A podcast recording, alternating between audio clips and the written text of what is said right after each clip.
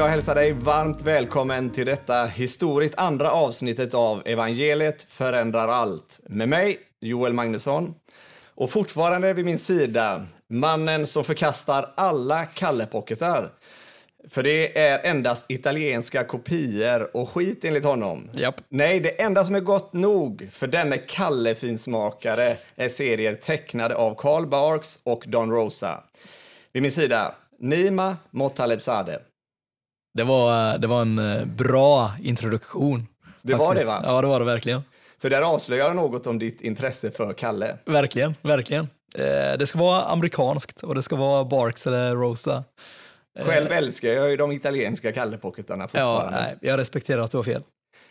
Fortfarande Motalebza- Motalebzadeh. Fortfarande mot Alpsade. Jag har några jobbiga samtal med familjemedlemmar jag behöver ta innan vi har något nytt.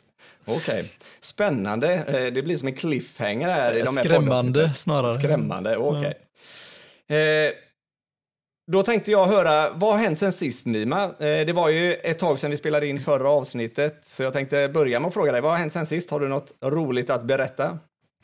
Vad har hänt sen sist? Jag var i Finland för ett par veckor sedan med, med eh, The Gospel Coalition eh, Nordics eh, råd. Så vi var där några dagar. Det var, det var härligt. Det var, det var gott att få träffa bröder och systrar från övriga Norden och vi, vi badade isvak på kvällen. Eh, det, det var en eh, intressant upplevelse. Det var typ 25 meter från bastun ner till vattnet och när vi ska gå ner på is och sten så upptäcker jag att alla finnar runt omkring mig har ju fått tag på gratis eh, gummiskor de kan ha på fötterna så, som tar bort den värsta smärtan. Men ingen i vår grupp hade ju fått några sådana. Så, så att betala för den sortens plåga, jag vet inte om jag gör om det. Alltså. Det var bara en plåga. Ja, alltså, hade vattnet varit exakt utanför bastun så hade det varit en god liksom, upplevelse. Men nu var det 25 meter ner för is, istrappor och gå på is och grus och det var eländigt. Det är klart att nu i efterhand så är, känns det så, som, eh, som att jag är glad ändå att jag gjorde det. Jag kan faktiskt bara flika in att jag, jag tänkte att jag smsar min fru och säger att de vill göra detta och jag tänker att hon kanske kan säga då att du ska inte göra det, du ska inte bli sjuk. Så, så att jag kunde använda det i, liksom när jag pratar med de andra och säga att min fru vill inte att jag gör det. Men hon skrev till mig exalterat med massa utropstecken att gör det, det blir en bra story efteråt. Blev det det? eh, Ja, du hör ju. Det blev inte, jag låter ganska patetisk ändå. Du har inte blivit en vinterbadare helt enkelt. Nej, nej, dåligt med det. Var i Finland var du förresten? Eh, Också en bra fråga. Någonstans. Någonstans, Någonstans. utanför Helsingfors tror jag. Vad har hänt sist själv? Jo, eh, jag tycker det är väldigt roligt. Eh, Det har kommit en hel del positiv respons för podden kan vi också säga, så vi hoppas att vi är på rätt väg där. Mm. Eh, och sen så, Både din mamma och min mamma var väldigt glada över det. precis det viktigaste av allt, våra föräldrar tyckte det var bra. Nej, eh, det som ligger närmast i minnet är att vi i helgen som gick, eh, det beror ju på när detta poddavsnitt släpps, men i alla fall när vi spelar in i helgen som gick så hade vi en konferens eh, under temat Guds folk i en fientlig värld med Vaughan Roberts från England som berikade utifrån, eller undervisade utifrån Daniels bok och första Petrusbrevet om att eh, om hur vi som Guds folk lever i exil. Vi är på väg till vårt sanna hemland. Vi hör inte hemma här, utan vi är främlingar och då kan vi räkna med motstånd, lidande, svårigheter. Men gång på gång under helgen så kom liksom uppmuntran.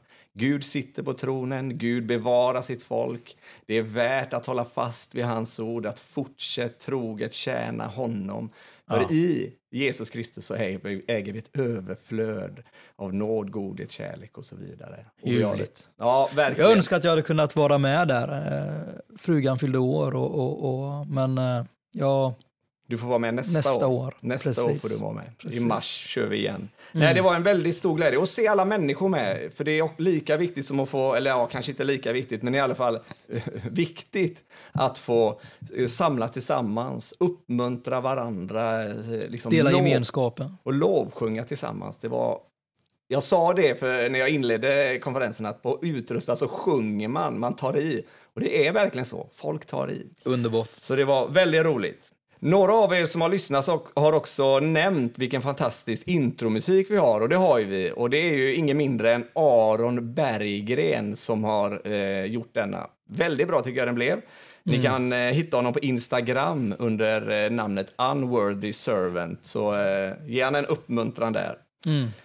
Nu ska vi ge oss in på dagens ämne eh, som handlar om vad är evangeliet? Och vi har valt att kalla det, de här, den här serien eh, som vi nu kommer gå in i, eh, Varför var Jesus tvungen att dö?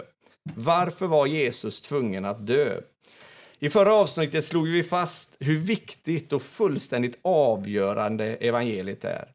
Inte bara för de okristna, utan även för oss som kristna och Guds församling. Hur evangeliet är grunden för allt vi är och gör som församlingar. Och att vi är på ständig avdrift ifrån evangeliet och därför liksom behöver påminna oss och hela tiden vända tillbaka till evangeliets sanningar. Men i de kommande avsnitten så kommer vi försöka liksom närma oss då, vad är då detta evangeliet? Vad är budskapet? Vad är innehållet i detta? Mm. Och för att göra detta så, så använder vi fyra punkter som är hämtade från en bok som heter just Vad evangeliet som är skriven av Greg Gilbert som eh, är utgiven på Rotad. Eh, läs den om du inte har läst den. Eh, och det är punkterna Gud, människan, Jesus och frälsaren. Gud den rättfärdige skaparen, människan syndaren, Jesus frälsaren och gensvaret tro och omvändelse. Och idag kommer vi gå igenom de två första punkterna. Gud, och människan. Mm. Och allt detta naturligtvis, det är ju inte bara hämtat ifrån från Greg Gilberts bok, utan det är ju hämtat från Bibeln. Mm. Det är ju Bibeln vi ska vända oss till när vi frågar oss vad är evangeliet? Och eh, det är därifrån allt är hämtat. Mm. Vi kommer säga mycket eh, saker om evangeliet eh, i dessa avsnitt och därför tänkte jag att det kan vara på en plats att i alla fall så här till inledningen dra en kort eh, eh, sammanfattning eller definition av evangeliet. Och då lyder den så här. Evangeliet är de goda nyheterna om vad Jesus Kristus har gjort för att försona syndare med Gud. Evangeliet är de goda nyheterna om vad Jesus Kristus har gjort för att försona syndare med Gud. Men då är ju frågan också, varför är de här goda nyheterna så goda egentligen? Det är den frågan som vi ofta liksom kanske inte kommer till. Jag tror att de flesta, och du får rätta mig om jag fel här, har ganska bra koll på när man frågar folk i kyrkan eller utanför kanske också att Jesus dog för våra synder. Det har nog de flesta, liksom, det är liksom grundläggande, de vet korset och de vet. Men de flesta kanske inte tänker och förstår varför. Varför dog han? Mm. Så var det åtminstone för mig när Gud öppnade mina ögon för evangeliet och hela evangeliets sanning. Så var just denna frågan, skulle jag säga, varför som jag hade missat. Jag visste att Jesus dog för mina synder, men jag förstod liksom inte varför. Han var tvungen att dö. Vad är det som är så allvarligt att detta var faktiskt tvunget att ske? Är verkligen synden så allvarlig? Var detta enda sättet för Gud att lösa problemet? Är alla människor verkligen förlorade utan Jesu räddning? Och jag skulle säga att det är först när vi liksom har närmat oss detta varför, bakgrunden, som också Jesu kors och försoningsdöd blir eh, begriplig och förståelig. Och det är då också vi förstår att det är det enda som kan rädda oss. Och det är väl där vi vill, vill börja. Vi vill börja med Gud eh, och människan och hur relationen dem ser ut emellan, hur oss ser ut emellan och vad synden faktiskt är. Lite slarvigt uttryckt, jag tror att han till och med använder det i boken, så vill vi börja med, med de dåliga nyheterna mm. som kommer före de goda nyheterna. Eller annorlunda uttryckt, om, om inte de dåliga nyheterna kommer före de goda nyheterna så blir de goda nyheterna bara nyheter mm. och inte goda. Jag håller helt och hållet med dig Joel. Jag tänker att för att kunna besvara frågan vad är evangeliet eller varför behövs evangeliet så måste man börja med vem är Gud och vem är jag? Mm.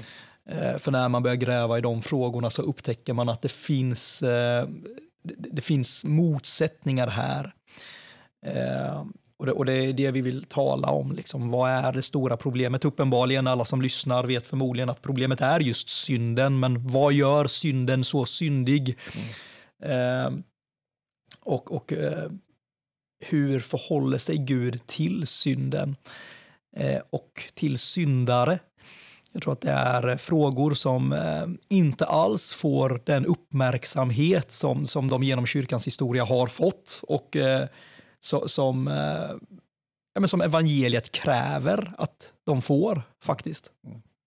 Och jag, jag brukar likna det, tänka, jag, den här bilden har jag fått från någon, säger jag igen. Nej, jag vet faktiskt inte vem jag har fått det ifrån.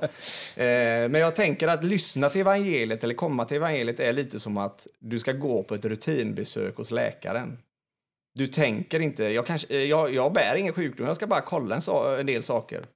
Men så sitter du där i stolen och så kommer läkaren med liksom en röntgenplåt över, över din kropp och så förklarar han och pekar, du bär på en sjukdom som gör att du kommer dö. Mm. Och det är först när du förstår att det är din kropp, eller alltså det är min kropp det handlar om, och att jag är döende, det är först då du kommer fråga läkaren, finns det någon hjälp? Finns det något botemedel? Finns det något ingrepp? Jag måste ha hjälp, jag är döende. Och samma skulle jag säga att det är först när vi liksom sett vem Gud är och vad vi är i relation till honom som vi också kan se, finns det någon räddning?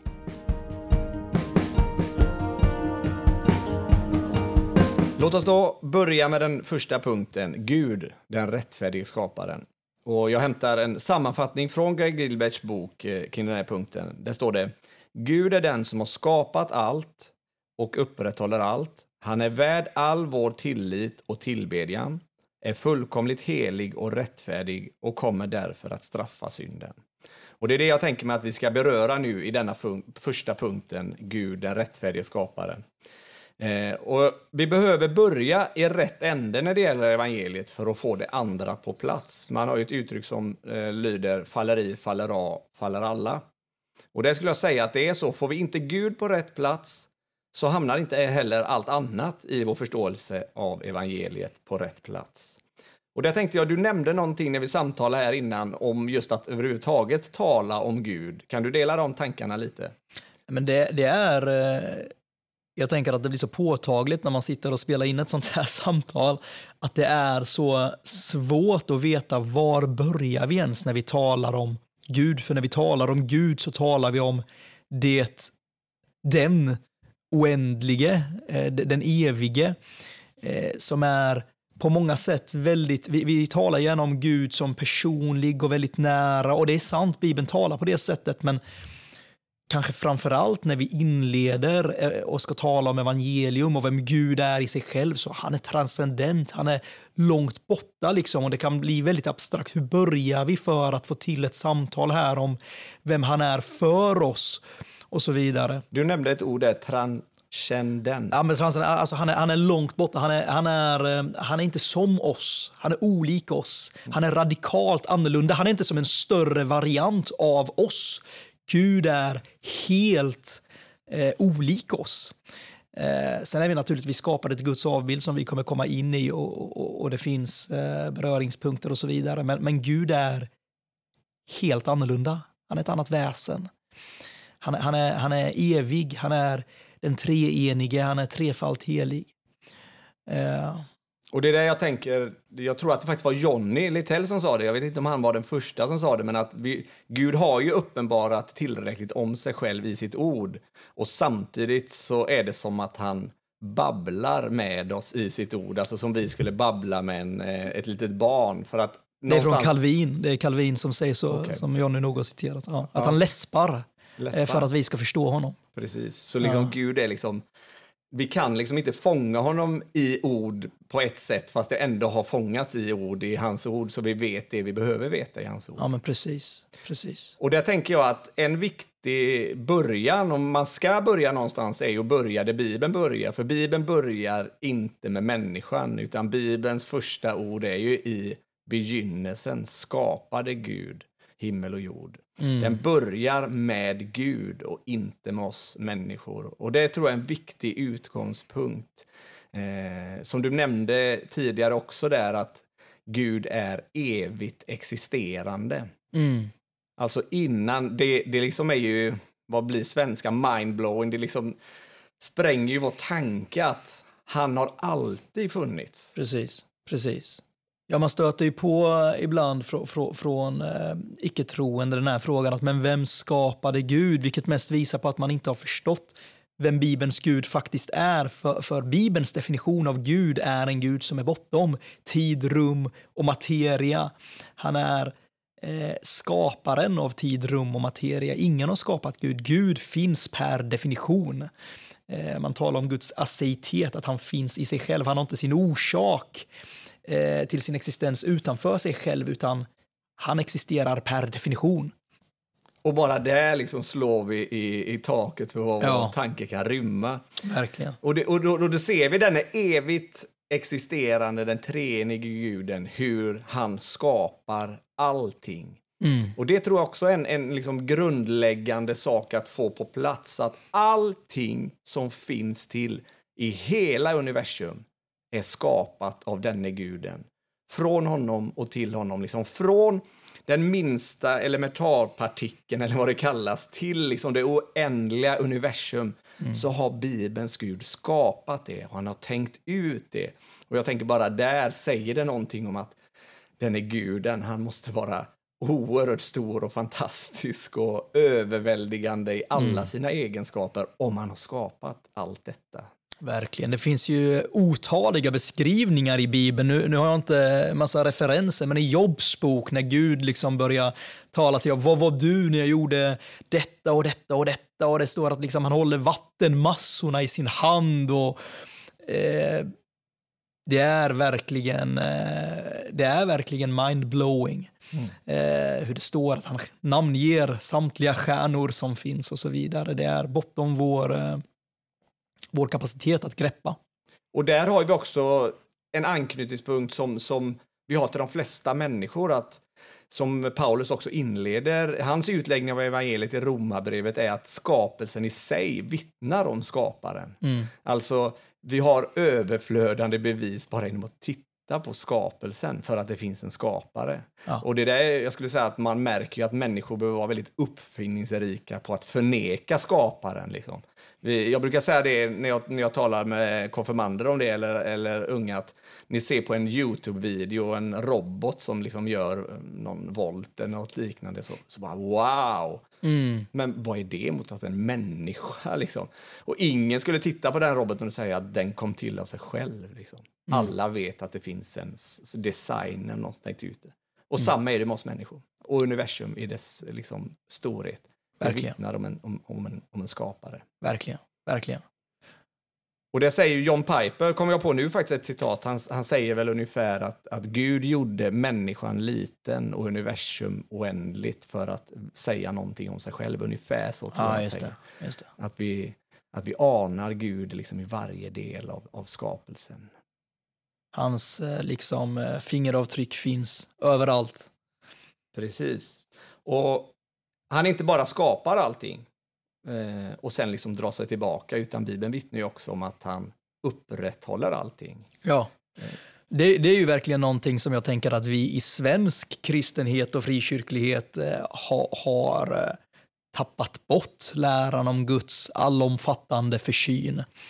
Eh, hur, hur han inte har, jag, jag, jag, menar inte att vi är deister som tror att han, han liksom skapade universum och sen pensionerade sig och drog sig tillbaka och inte har någonting med något att göra. Är det definitionen av deist? För det sa du ett annat ord som... Ja, precis. Man brukar tala om den här liksom, en klockmakare som har gjort en klocka och ställt, ställt den på bordet och sen gått därifrån. Och bo, klockan rullar på av sig själv men han har inte något mer med den att göra. Det är ju deism.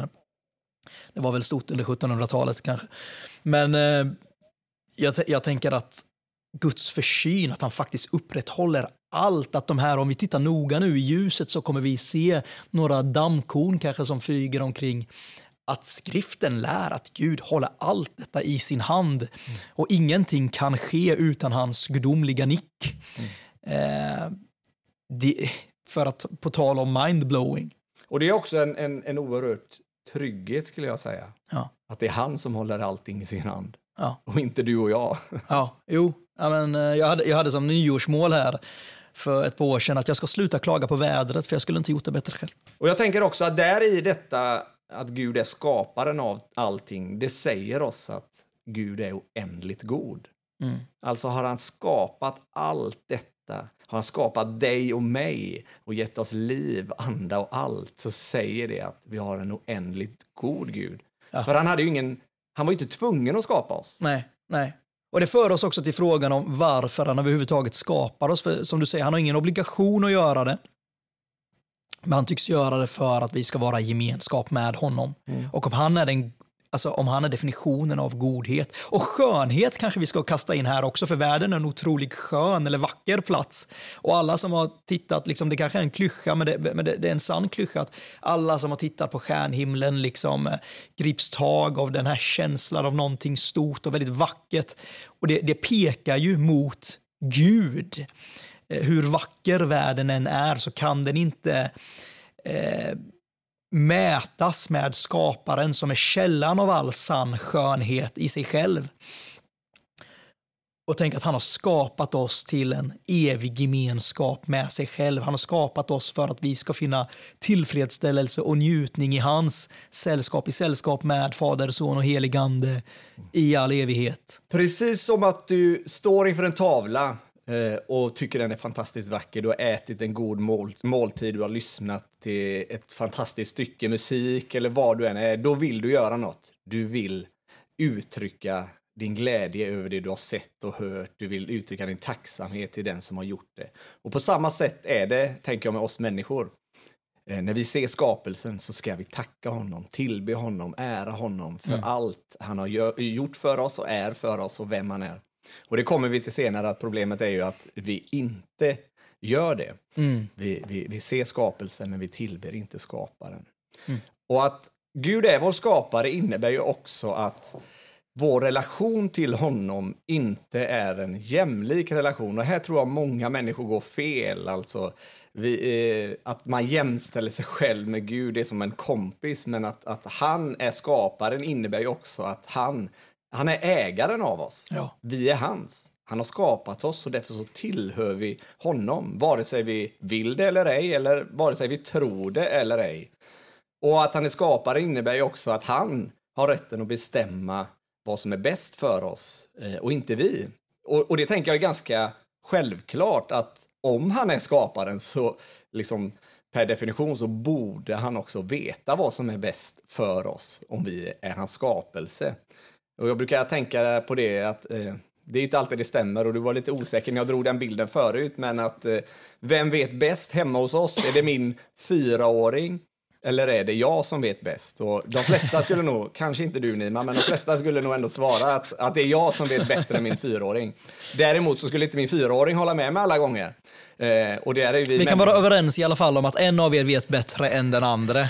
Sen detaljerna lämnar vi åt lyssnaren. Och, och, hon är framförallt inte alltid överens om det med mig. Och där liknar vi också hur vi är till Gud. Men att det är ganska självklart att en förälder vet bättre. Ja. Och hur oändligt mycket bättre vet då inte Gud än oss. Och, vill. och det han säger till oss är också det bästa och det goda för oss. Eh, ja. Och att han är skaparen in, in, innebär ju också att, att vi, vi står ansvariga inför honom. Eh, och inte tvärtom som vi människor ofta får det till, att han står ansvarig inför oss. När vi hör detta så, så väcks det ju någonting inom oss, eller jag skulle säga att det borde väckas någonting inom oss, för vi människor tänker inte så här. Vi tänker inte att vi är ägda av Gud, står ansvariga inför honom, att han vet bäst, utan vi tänker precis tvärtom, att det är vi som äger oss själva och vi har rätten att själva bestämma och vi kommer in mer på det senare och som vi redan har sagt så får vi påminna oss om att det är ett gott beroende av att vara beroende av denne Gud som har skapat allt och upprätthåller ja. allt. Vi läste i, texten i sammanfattningen i början att Gud är fullkomligt helig och rättfärdig. Och här skulle man kunna gå över i detta och säga Gud är den gode skaparen, men han är också helig och rättfärdig. Men det har vi, har vi pratat om innan, jag och du Nima, att hur viktigt det är att vi inte säger men Nej, precis. när vi kommer till helig och rättfärdighet. Det är väldigt vanligt. Eh, det är väldigt vanligt i evangelieutläggningar att man har en typisk, liksom som vi gör egentligen, en fyrpunktsagenda. Liksom. Eh, och så målar man upp den här motsättningen. Eh, jag har gjort mig skyldig till detta så många gånger själv. Gud är kärlek, Gud är god, Gud älskar dig, men Tyvärr, han är också helig, han är också rättfärdig, han är också rättvis och så vidare. och Så vidare. Så, så, så Guds kärlek blir liksom hans eh, mjuka, personliga, varma sida som vi vill ha att göra med.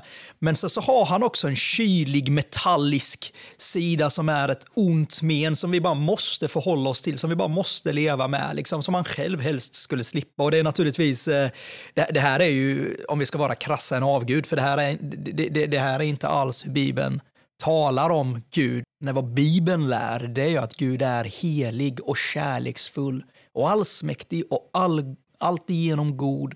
Han är allsvetande.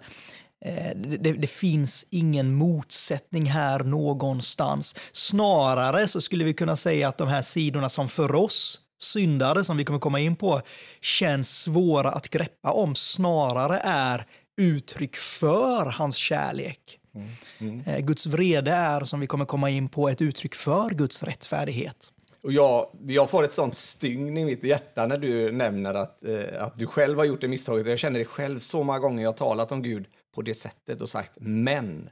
Mm. Som om det vore liksom hans onda sida. Precis. När han är alltigenom god. Och jag funderar det blir på... som en kosmisk eh, Dr Jekyll och Mr Hyde. Typ. Liksom, man vet inte riktigt vad man, vilken sida av honom man får. Typ. Och jag tror att det är så många människor, alltså både utanför och innanför kyrkan, upplever Gud som en oberäknelig, liksom, okontrollerad Gud. Och jag tror att det är för att vi alldeles för ofta överför våra egenskaper på Gud. Ja. Vi liknar honom i vissa delar, men han liknar inte oss. Ja. Alltså, när, när Gud är, är vred över synden så tänker vi han är vred som vi är. Mm. Och, och där tror jag många gånger vi gör det felslutet och att det är därför jag och vi pratar om det som ett men. För vi tänker på vår egen vrede. Jag kan se till min egen vrede som någon gång ibland kanske är rättfärdig vrede, men alldeles för ofta så är den en syndfull vrede ja. och oberäknelig. Och så tänker vi, ja men då är Gud sån. Och det tror jag är en av orsakerna till att vi, att vi hamnar där. Ja, nej men jag, jag håller helt och hållet med. Om nu Guds vrede inte är som vår vrede, hur skulle du då säga Nima att Guds vrede är och hur skulle du beskriva den? Jag skulle säga att Gud... Eh, jag, jag, tror att man kan börja med att säga vad Guds vrede inte är, som vi redan har gjort, men om vi utvecklar det. Vrede är hos Gud inte ett evigt attribut på samma sätt som Bibeln säger att Gud är kärlek. Gud är evigt kärleksfull. Han har alltid varit kärlek. Innan han skapade så, så, så existerade Fadern, Sonen och den heliga Ande i en evigt kärleksfull gemenskap i sig själv. Gud behöver inte skapa för att vara kärlek, men Gud behöver skapa för att vara vred, för att vrede förutsätter ondska, vrede förutsätter synd. Gud är inte evigt vred i sig själv, i sitt väsen. Jag skulle säga att vrede är ett specifikt uttryck för Guds godhet eller för Guds rättfärdighet. Mer specifikt så är det Guds rättfärdighet i mötet med det som är objektivt och obestridligt ondskefullt och destruktivt. Det är den enda rimliga, den enda rätta reaktionen utifrån vem Gud är i sig själv i mötet med ondska och mörker. Precis, så att, så att vreden är inte evigt existerande menar du då därför att den är en följd eller en reaktion av synden och ondskan i världen? Precis. Eh, så, så Gud är evigt rättfärdig, men hans eh, rättfärdighet tar sig uttryck i vrede i mötet med ondska. Och ondska är ju ett resultat av den skapade världen. Det finns i den skapade världen. Ondska är inte någonting evigt. Utan eh, det finns ju hos syndare, oavsett om vi talar om eh, liksom djävulen och andeväsen eller hos oss människor. Eh, och det skulle jag säga att för mig var det en sån ögonöppnare när jag insåg precis det du säger att, att vreden inte är evigt existerande. För om, som vi sen ska komma till, Jesus Kristus har burit Guds vrede för oss, så har den upphört att existera. Då finns ingen vrede kvar. Det, för oss som är i Kristus. För oss som är i Kristus. Ja. Precis. Ja. ja, men verkligen. Och det kommer vi till senare. Men jag tror att det är en sån viktig sak, alltså så många även som är i Kristus ibland tänker att Gud fortfarande är vred, oberäknelig. Liksom. Eh, och det är också så på nytt bara att vi inte jämställer vår vrede med Guds. Alltså han är inte oberäknelig. Han, han, han har kontroll över sin vrede ja. och håller tillbaka den. Precis, och det är ju, det är ju ett, ett av dem eh, när han presenterar sig själv otaliga gånger. Han är sen till vrede. Han är, han är en behärskad gud. Han är inte en nyckfull surpuppa som har vaknat upp på fel sida av sängen och tar ut sin frustration över stackars eh, Lasse som försöker sköta sina egna affärer. Liksom. Eh. Och, och det skulle jag säga att det missar vi så ofta, att han är sen till vrede och stor i nåd. Ja. Vi tänker på Gud som att han är snabb till vrede och snål i nåd. Jag tycker Jakobsbrevet 1 och 17 eh, uttrycker det så bra när det står att eh, Gud inte förändras eller växlar mellan ljus eller mörker. Det finns ingenting nyckfullt. Han är, han är ljus. Det, det, det finns inga skuggor i honom. Och att han är rättfärdig och helig innebär, som vi läste i eh, sammanfattningen i början, det innebär ju att, att han kommer att döma synden eller straffa synden. Kan du berätta mer om det eller förklara mer om det? Precis. Jag, jag, jag tror att om, om vi ska definiera vad Guds helighet överhuvudtaget är, eh, jag, jag, tänker att man kan tala om det på olika sätt. Å ena sidan kan man ju säga, som vi brukar göra, att det betyder att han är avskild. Han är inte som oss. Men återigen så förutsätter det i så fall att vi finns, att skapelsen finns för att han ska kunna vara helig. Jag tror att eh, en, en rimligare definition kanske blir att säga att Guds helighet är summan av hans attribut. Det är summan av hans moraliska attribut, att han är god, att han är kärlek och så vidare. Och vad var din fråga Joel? Att han kommer straffa synden, vad, vad, vad det men, innebär? Men jag, tänker också att vi, jag tänker också att vi kan backa där också och säga det att, att hans egenskaper står ju aldrig i strid mot varandra. Nej. Alltså det finns ingen uppdelning som du sa där med Jakobsbrevet i mörker och ljus utan att hans, hans egenskaper är i fullständig harmoni med ja. varandra. Ja. Till skillnad ja. från dina och mina egenskaper som är i, många gånger i kaos i vårt inre. Ja, nej men verkligen. Men det jag, det jag nämnde var ju alltså att, att han är helig och rättfärdig innebär att han en dag kommer att döma eller straffa synden. Precis, eh, så, så, så skaparen är också domaren. Han är universums domare. Det är hans universum. Och som vi var inne på tidigare och kommer komma tillbaka till, det är någonting vi ofta glömmer bort. Vi tänker att vi är centrum av universum, allting handlar om oss. Han har ingen rätt. Ibland hör man till och med någon arg nyateist säga att ah, ja, men om det visar sig att himlen finns, då har jag ett och annat att säga Eh, till, till, till Gud på domedagen. Liksom. Och man, man sitter där och tänker att du kommer inte vara den som ställer frågorna på den dagen. Eh, jag tänker att det, det egentligen är bara sunt förnuft. Ingen vill ha en korrupt domare. Vi vill inte ha en domare som ser mellan fingrarna när brott begås. Som i en maffiafilm, liksom, där domaren har blivit mutad och, och låter sina maffiapolare gå lösa. Men på, av någon anledning förväntar vi oss ändå ständigt att när det kommer till universums domare, universums ägare, skaparen av allting, så ska han se mellan fingrarna eller sopa våra brott av kosmiska proportioner under mattan och inte låtsas om dem. Eh, I alla fall när det kommer till en själv. Sen när det kommer till liksom grannen som spelar för hög musik eller Adolf Hitler typ, så vill vi förstås att han ska straffa dem. Eh, men Gud är inte korrupt. Det finns inga växlingar mellan mörker och ljus i honom. Gud är rättfärdig. Gud eh, är standarden för vad som är rätt. Han är moraliskt fullkomlig. Och Gud kommer inte låta något eh, brott, första Johannesbrevet talar ju om synd som lagbrott. Han kommer inte låta något lagbrott gå ostraffat. Eh, för han vore inte kärleksfull, han vore inte god, han vore inte rättfärdig om han hade gjort det. Precis, och det, det precis som du säger, det, där, där är alla människor vill ha en rättvis Gud. Eh, men, men som C.S. Lewis säger, tror jag också, som du var inne på, men, men vi, vi vill att han gör ett undantag i vårt fall. Ja. Och, och det är väl där jag, eftersom att vi är en del av detta, så, så tror jag att vi, det är därför vi gör så, vi tänker så. Eh, men vi vill inte ha det i våra rättssalar, där vill vi ha en, en, en, en rättvis och god. Och, och det jag tror också är så viktigt att komma ihåg, en god Gud tar itu med det som är fel. Och det är också en, som jag läser Bibeln så är det som en, en, en många gånger beskrivs ju domens dag mer som en tröst. Det missar vi ibland. Ja. Alltså det är en tröst att en dag så kommer han som ser allt, vet allt, döma fullkomligt rättvist. Ja. Även om att i vår tid så är många gånger rättvisan blind. Mm. Den, den som är skyldig, den går fri. Men en dag så kommer han som ser allt och vet allt, döma fullkomligt. Det är ju en tröst. Ja. Här kan synden löpa fritt, men den dagen så kommer det inte göra det. Så att det får vi inte glömma heller, att, att, att Bibeln beskriver domen som en tröst. Ja, nej men verkligen. Jag, jag, jag börjar osökt tänka på Abrahams ord när han står och vädjar inför Gud att Gud skulle skona eh, invånarna i Sodom och Gomorra om där skulle finnas eh, några rättfärdiga och så försöker han förhandla med Gud. Och så ställer han den här retoriska frågan att skulle inte hela jordens domare göra det som är rätt? Mm. Och vi kan vila i att hela jordens domare, hela jordens skapare och ägare kommer att göra det som är rätt. Ingen kommer på domedagen att stå där och tycka att Gud är orättvis.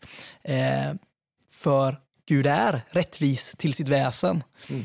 Eh, så det, det, kommer inte vara ett scenario överhuvudtaget. Och jag tror att det är ju när vi närmar oss de här sakerna som vi också börjar inse eh, vår relation till honom. Ja. Och jag tror att det är därför vi kanske försvarar oss från att Gud en dag skulle döma. För det är då vi någonstans inser, vad är jag i relation till honom? Mm. Om han dömer fullkomligt rättvist i allting och inte gör några undantag. Hur står jag då inför domen? Ja. ja. Och det är det som utmanar oss och därför vill vi inte närma oss den sanningen. Och det är den sanning vi måste närma oss för att sen förstå Precis. vad Jesus Kristus har gjort. Precis. Så, så kan man säga att om vi nu har diskuterat en liten stund här, vem är Gud? Så behöver vi också ljuset Eh, av Gud, i ljuset av Guds ljus, ställa oss frågan vilka är vi? Och vad säger skriften om vårt tillstånd moraliskt, andligt, juridiskt i förhållande till vår skapare?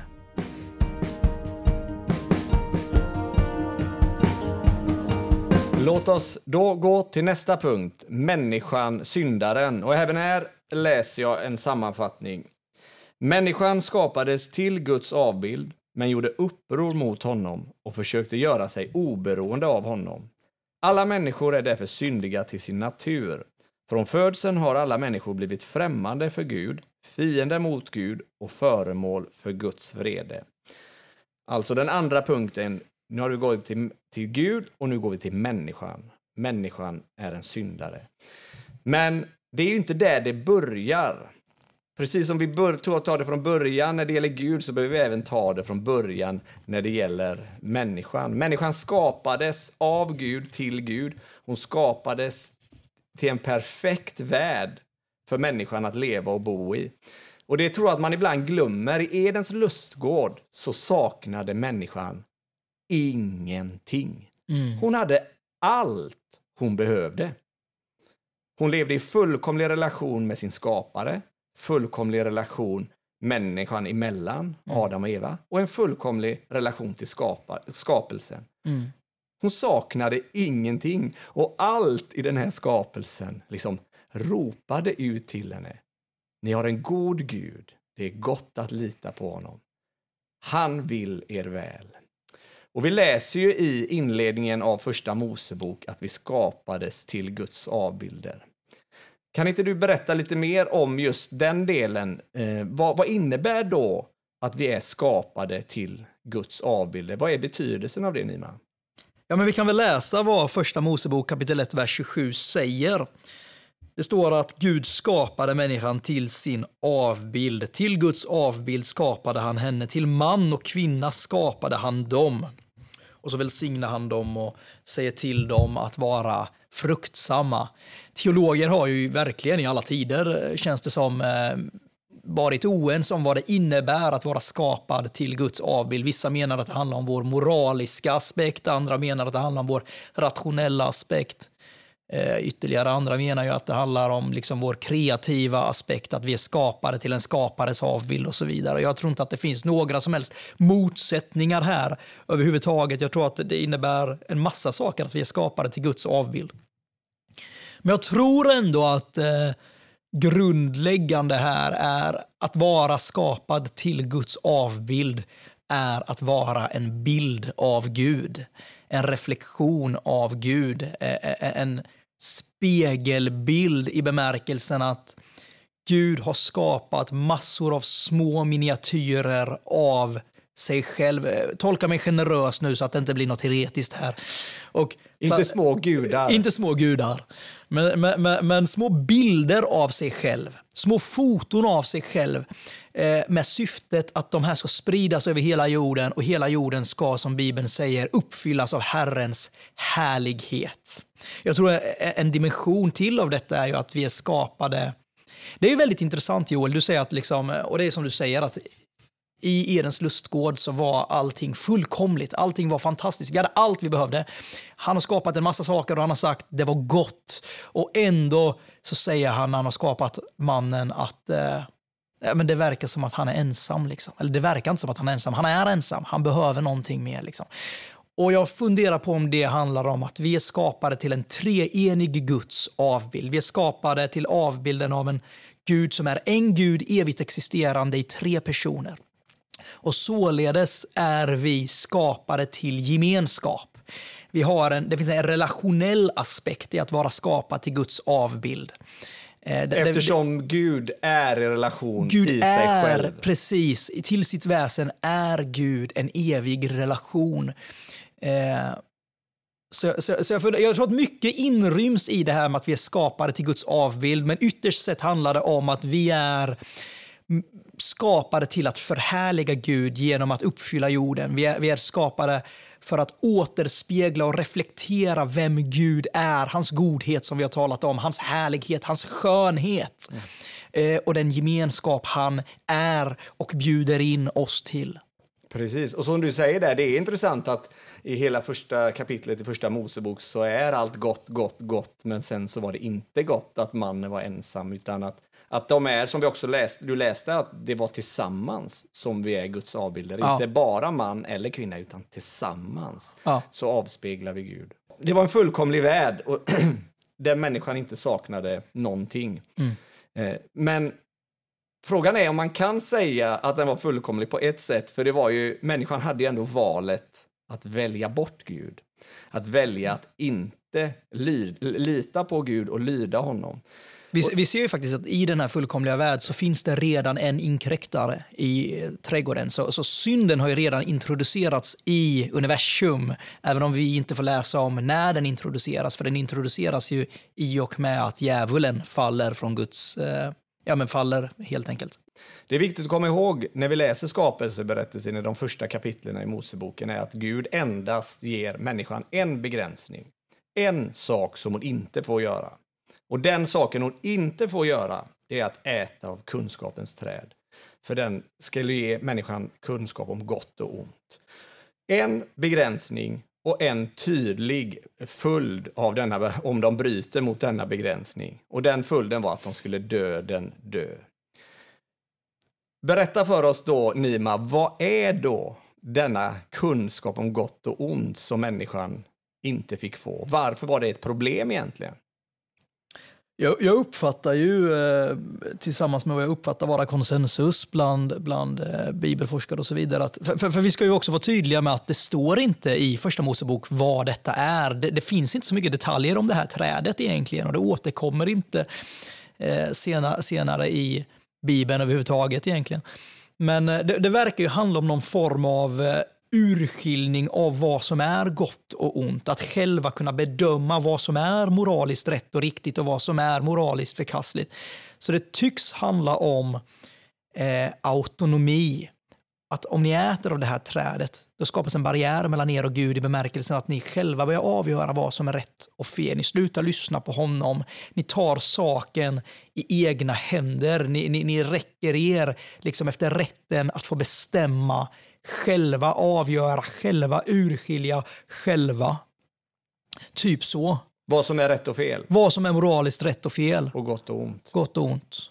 Och det, och det, och det kan man också komma, komma ihåg, eller liksom bara se i, i världshistorien, hur det har gått sen, när människan ska avgöra ja, vad som är precis. rätt och fel och gott och ont. Ja. Vad följden blir det av det. Istället för att lyssna på det som Gud säger är gott och ont, rätt och fel.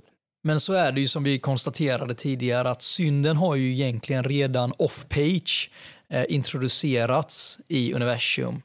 Och vi ser det manifesteras i början av eh, kapitel 3 i första Moseboken. När ormen eh, börjar slingra sig fram för att förleda människorna. Och vi ser ju hur han gör det i den här dialogen han för med Eva, att han sår tvivel kring vad Gud har sagt. Har Gud verkligen sagt?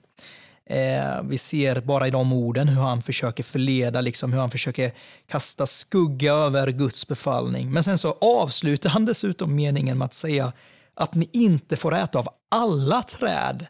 Vilket uppenbarligen är en förvridning av vad Gud har sagt, därför att Gud har sagt att ni får äta av alla träd, förutom ett träd. Eh, så inte nog med att han försöker så tvivel kring vad Gud faktiskt har sagt, han förvrider också eh, det han har sagt.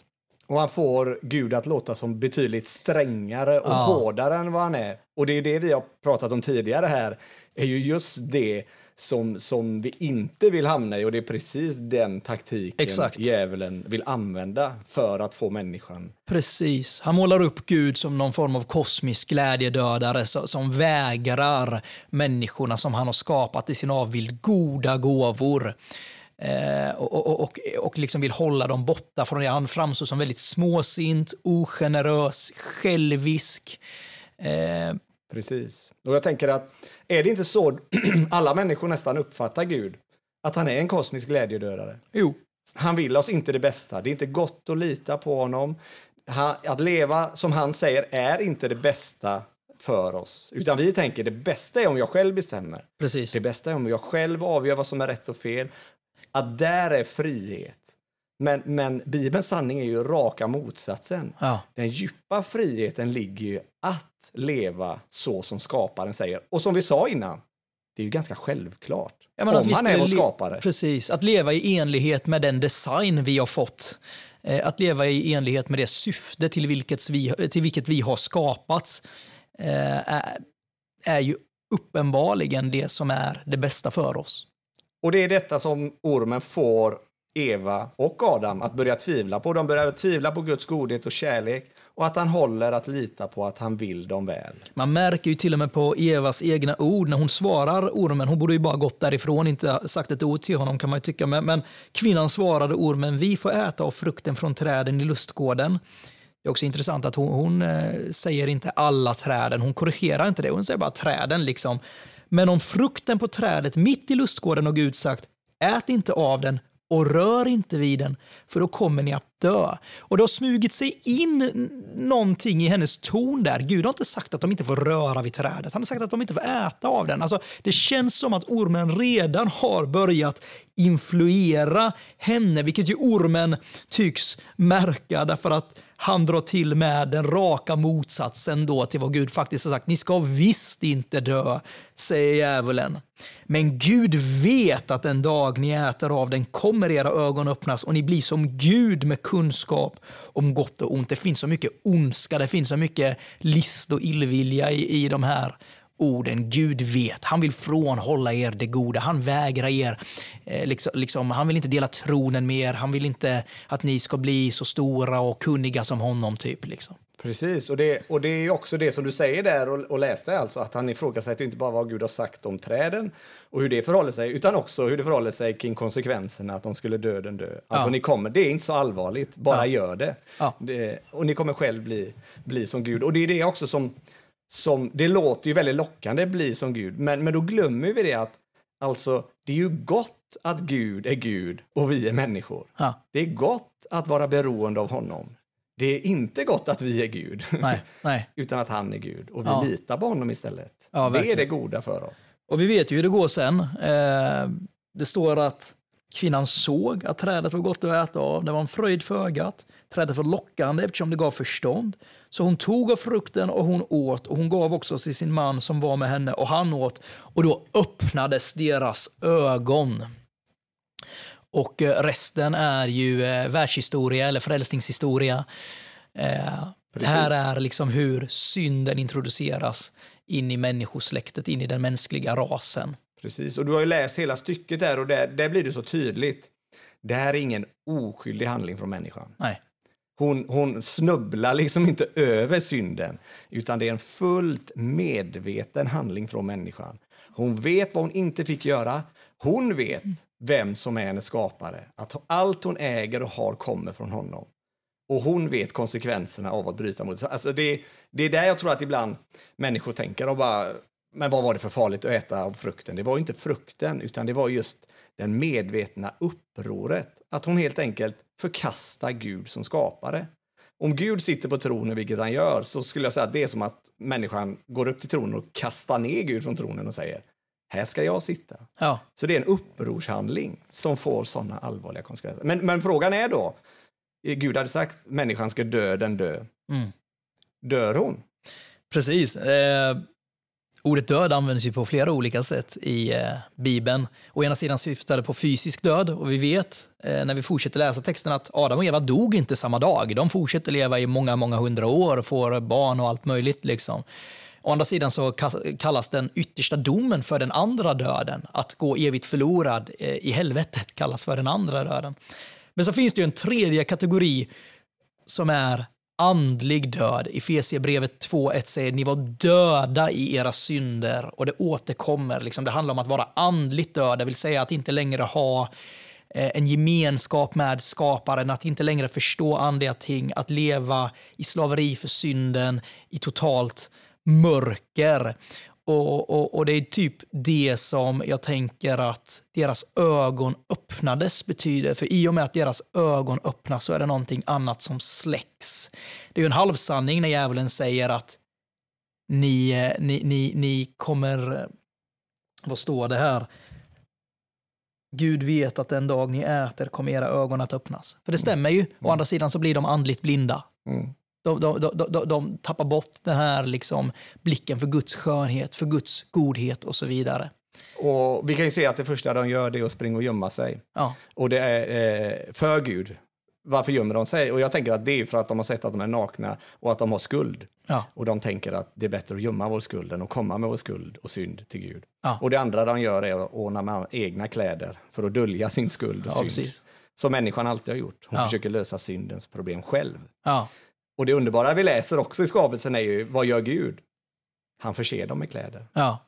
Och det tänker jag också, hon dör inte där och då, men jag, jag, tänker också att man behöver ha med sig det att hon skulle faktiskt kunnat dömts till döden. Alltså men... både fysiskt och andlig död. Men att Gud även i sin godhet låter människan fortsätta leva för att han vill nå henne. Och det missar man ibland när man eh, läser vidare i, i kapitel 3 och framåt, är just det att det är Guds godhet också som gör att hon fortsätter att få leva för att Gud vill söka henne. Han vill vinna tillbaka människan. Ja, nej men verkligen. Jag tänker dock att jag tror att många, många jag vet inte hur många av våra lyssnare som tänker så, men det, när man talar i de här termerna så är det nog lätt att folk tänker, ja men vad har detta med mig att göra? Precis. Det här låter som en berättelse om två människor som levde för väldigt länge sedan, om de nu ens levde liksom jag vill bara vara tydlig och markera att jag absolut tror att Adam och Eva var historiska personer och jag har problem med den som förnekar det. Eller med mm. att man förnekar det. Men, men berätta då, vad har det med oss att göra? Och vad säger Bibeln ens att det har med oss att göra? På vilket sätt har det?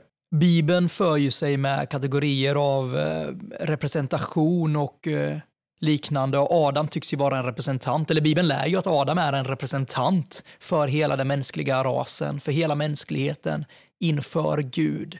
Bibeln talar till och med i termer ibland av att eh, vissa som inte är födda fanns i sin förfaders kropp när denne gjorde någonting.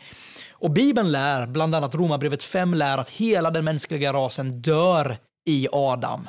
Att i och med att Adam och Eva blir andligt döda på grund av sin överträdelse så kommer döden in i världen. Genom en enda människa kommer döden in i världen. Synden kommer in och som en konsekvens döden över alla människor. Så det är utgångspunkten för varje människa som föds till vår jord. Att man föds död i sin synd, det vill säga utan gemenskap med sin skapare. Man föds med en fientlig inställning, eh, ett upproriskt hjärta gentemot skaparen. Vi föds andligt döda.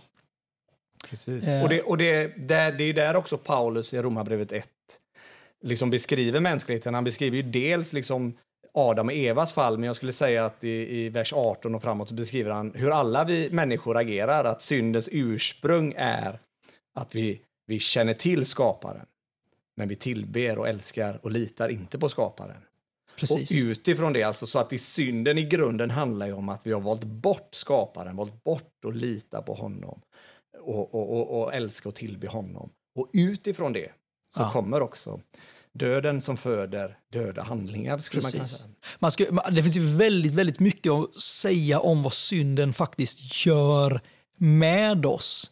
Synd är ju inte någonting materiellt. Sy- Synd är ju som rost eller hål i en båt som bara gör att det bara läcker in en massa vatten som kommer se till att den här båten sjunker. Eh, jag tänker att vi ser i Bibeln, eh, ju mer vi läser att det talas om synd i termer av orenhet. Ter, eh, synden orenar Guds avbild i oss. Den smutsar ner Guds avbild i oss och förvandlar den till oigenkännlighet. Vi är fortfarande skapade till Guds avbild, men den avbilden är djupt förvanskad, djupt perverterad. Eh, Bibeln talar om synd i termer av skuld. Synd leder per definition till skuld, det vill säga vi blir skyldiga inför Gud.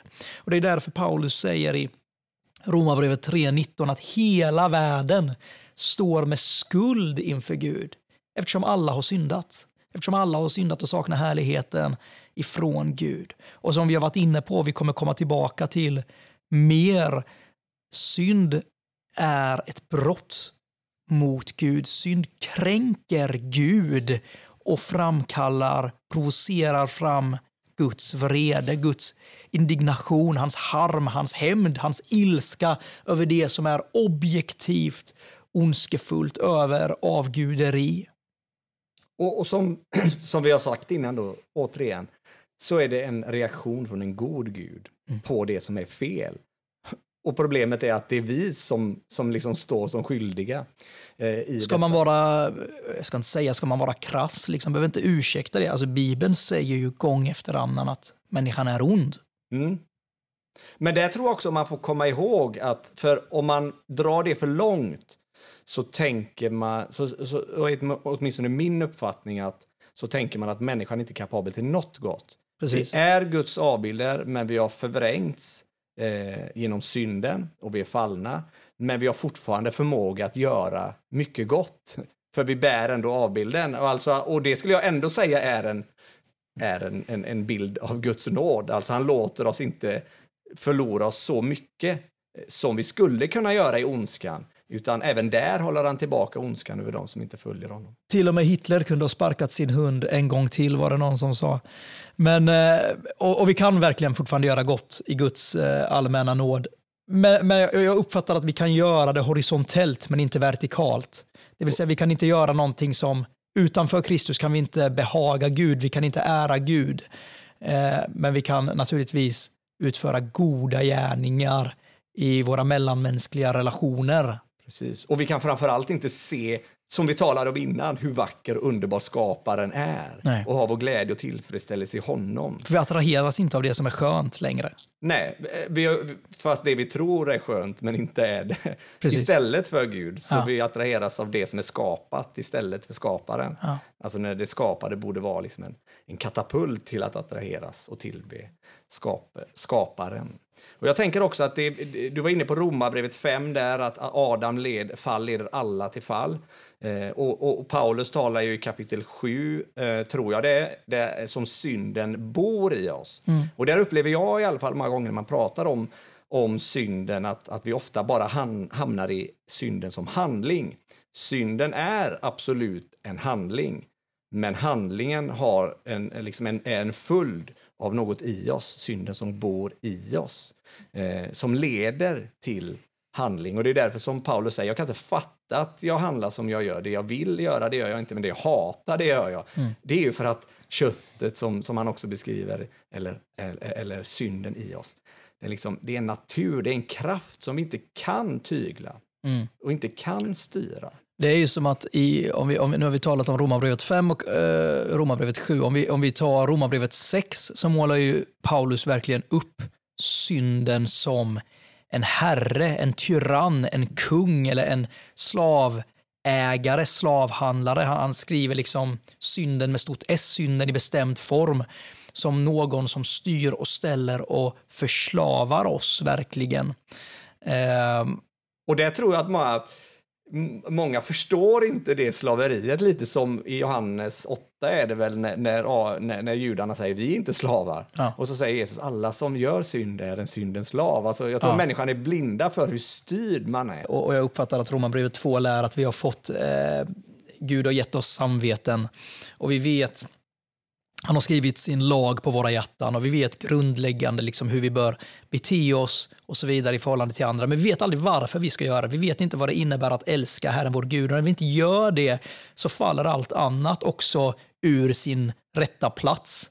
Även hur vi älskar andra. Ofta gör vi det av fel motiv. Ofta gör, hjälper vi andra av fel motiv. Vi drivs av högfärd och så vidare. Och jag uppfattar ändå att eh, Bibeln lär att varje eh, dimension av människan, varje fakultet av människan, liksom sinnet, förståndet, begären, känslorna, minnen, samvete, eh, känslor och så vidare. Allting är korrumperat av synden. Vi är inte så onda som vi skulle kunna vara hade det inte varit för Guds nåd.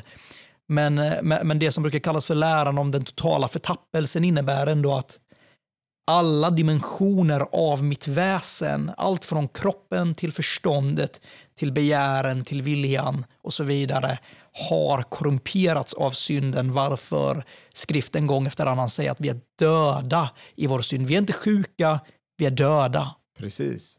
Och hur synden också då genomsyrar allt vi gör. Alltså, Även i de mest, liksom, som vi då skulle säga, inte utifrån Guds perspektiv, kanske, men från vi skulle säga, de godaste ögonblicken, så är det ändå synd med. Liksom. Vi, I de heligaste ögonblicken så, så kan vi titta på oss själva och tycka vad bra vi är. Liksom. Alltså Ja. synden följer oss Ja. även i, när vi så att säga är, är, är som mest eh, goda. Ja. Och det är det jag skulle säga, att det är ju för att liksom, synden kommer inifrån, från Ja. våra hjärtan som Jesus säger. Det är inte utifrån och in, utan det är inifrån och ut.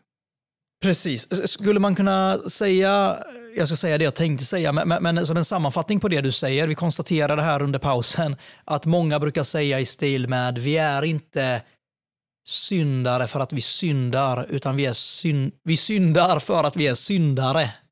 Det vill säga, vi agerar i enlighet med vår verkliga identitet. Eh, vi har hårda hjärtan. Mm. Men det jag skulle säga är, kan man sammanfatta det, allt vi har sagt om synden, eh, väldigt förenklat nu, om att synden har två dimensioner. Det finns en moralisk dimension som smutsar ner och perverterar vår inre människa och så finns det en juridisk dimension som gör oss skyldiga inför Gud, inför den heliga och rättfärdige domaren som måste straffa ondska. Eh, är, det, är, det, är det en rimlig summering när vi talar om Att vi har en moralisk och en juridisk. Och det moraliska skulle du säga vad är alltså? Ja, men det handlar om att vi svartar ner Guds avbild i oss, att vi orenar oss själva. Bibeln talar om att vi, vi smutsar ner oss själva och så vidare. Eh, och Det är väl också därför det talas om i offerkulterna om orenhet och renhet hela tiden. Liksom det är bilder på vad som händer moraliskt med oss. Och det juridiska är? Vår faktiska skuld, synd leder till skuld. Det vill säga att vi, vi, vi, vi- ställer oss under Guds dom och gör oss skyldiga till straff. Eller vi gör oss skyldiga till synd och, och bör därför straffas.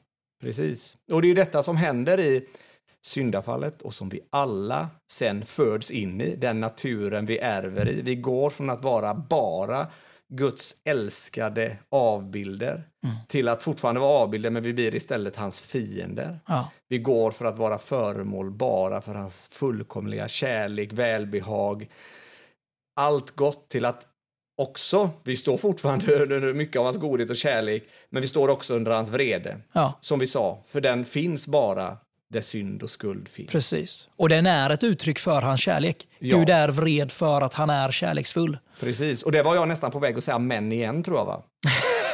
Kanske, för det ska vi inte säga har vi påmint oss själva. Eh, och det är där jag tror att någonstans om vi går in för landning här, Ja. så är det det som vi behöver inse. Gud är den rättfärdige skaparen, allt kommer från honom. Han är skaparen och upprätthållaren av allt, han är helig och rättfärdig och straffar all synd. Vi människor, vi är högt älskade skapade avbilder, men vi har gjort uppror mot honom och förtjänar att dömas. Och människan tänker att det är Gud som, som står på den anklagandes plats, men Bibeln säger ju sådana tvärtom. Människan Ja. Det är du som står på den här. När vi lyfter näven och liksom vill anklaga Gud för hur han handlar så, så, så vänder liksom snarare så borde liksom kameralinsen eller vad som är strålkastaren vändas mot oss. Mm. Hur handlar Du är Gud? den mannen. Du, ja, precis som, mm. som Nathan säger till, till David. Ja. Att vi ser att, att vi har gjort uppror. Inte ja. bara Adam och Eva, vi bär på syndanaturen. Ja. Vi gör eh, en mängd saker som vi inte borde göra. Vi älskar inte Gud av hela vårt hjärta, och hela vår själ, och hela vår kraft och vår nästa som oss själva. Vi, man, man, kan säga att ingen människa har under en enda sekund av sitt liv älskat Gud så som han förtjänar att älskas för den han är i sig själv. Precis. Och det är det som jag menar, det är det också man måste nästan hela tiden komma tillbaka till. Det är där synden börjar. Ja. Den börjar inte i handlingen, för det var där Adam och Evas problem började. Ja. Misstro mot Guds godhet, vilja att själv vara Gud. Och det ledde till en syndig handling. Ja. Ja. Och så är det för oss efter syndafallet. Vi, vi, vi tror inte, vi hör vad Gud säger är gott för oss och vi tänker nej det är det inte. Ja. Vi, vi hör Bibeln säga det bästa livet är att lita på Gud och älska honom.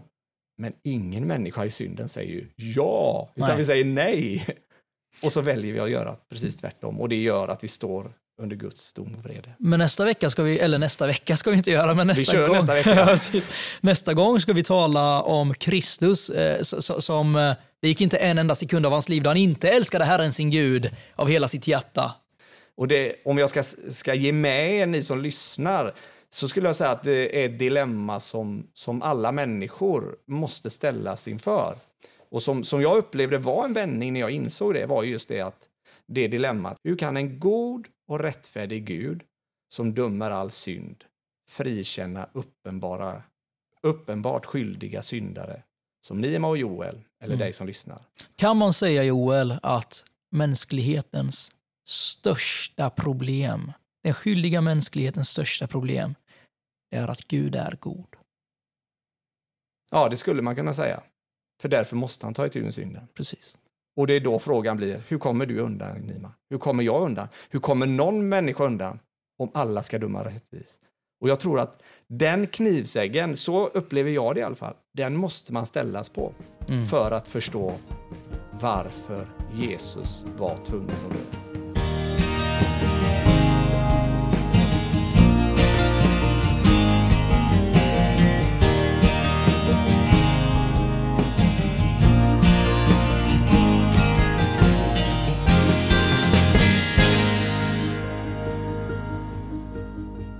Ska fortsätta exakt där jag var. Nej. Nej.